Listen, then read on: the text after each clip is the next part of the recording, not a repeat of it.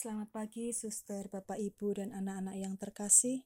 Sebelum kita memulai aktivitas hari ini, marilah kita berdoa dan mendengarkan sabda Tuhan, serta memohon berkat untuk seluruh kegiatan kita sepanjang hari ini. Marilah kita siapkan hati dan sikap yang pantas di hadapan Tuhan. Dalam nama Bapa dan Putra dan Roh Kudus. Amin.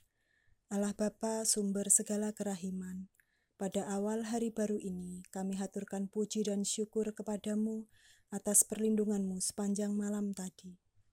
Kami bersyukur atas hari baru yang membawa kesegaran dan membangkitkan semangat baru bagi hidup kami.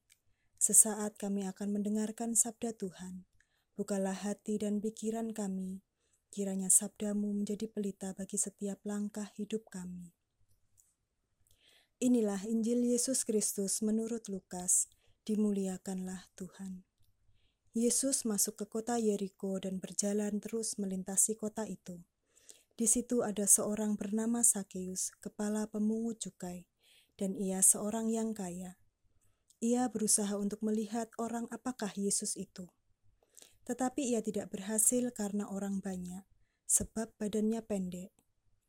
Maka berlarilah ia mendahului orang banyak, lalu memanjat pohon ara untuk melihat Yesus yang akan lewat di situ. Ketika Yesus sampai ke tempat itu, ia melihat ke atas dan berkata, "Sakeus, segeralah turun, sebab hari ini aku harus menumpang di rumahmu." Lalu Sakeus segera turun dan menerima Yesus dengan sukacita. Tetapi semua orang yang melihat hal itu bersungut-sungut katanya, "Ia menumpang di rumah orang berdosa."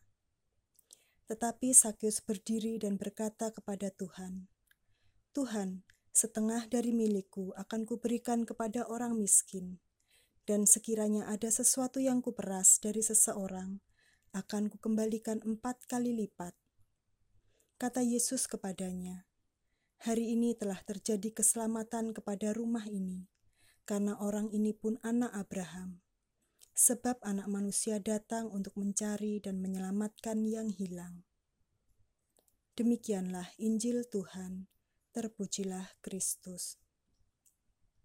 Suster, Bapak, Ibu, dan anak-anak yang terkasih, keselamatan seorang Kristiani merupakan inisiatif dari Tuhan yang ditanggapi oleh manusia.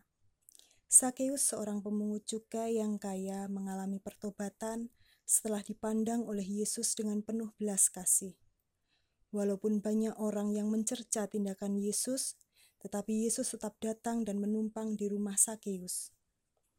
Orang berdosa diselamatkan bukan dengan menghakimi sebagai seorang pendosa, tetapi merangkulnya sebagai pribadi yang pantas mendapatkan belas kasih. Belas kasih menjadi nyata ketika kita tidak lagi membatasi perbuatan baik, tetapi justru berbuat baik sebanyak-banyaknya ketika kita tidak lagi sibuk mempersoalkan dosa orang lain, tetapi saling mendahului untuk memberikan salam dan berkat. Kita semua seperti Sakeus yang datang dengan latar belakang yang berbeda, dan kita ingin melihat Tuhan serta mengalami jamahan kasihnya. Tidak ada kesalahan yang terlalu besar bagi Tuhan untuk diampuni. Walaupun dosa kita besar, kasihnya akan semakin besar pula kepada kita. Tuhan tidak mempermasalahkan masa lalu, dosa-dosa kita. Yang Dia mau adalah kita menyadari akan semua dosa-dosa kita, bertobat dan mengalami kasihnya yang begitu besar. Kasih yang sempurna, yang bukan dari dunia ini yang dapat merubah segalanya. Maka, marilah kita menyerahkan seluruh diri kita kepada Allah dan membuang segala sesuatu yang buruk dari pikiran dan hati Rindukanlah selalu tinggal dalam Allah dan melakukan perbuatan-perbuatan yang menyenangkan hati Tuhan. Marilah kita berdoa.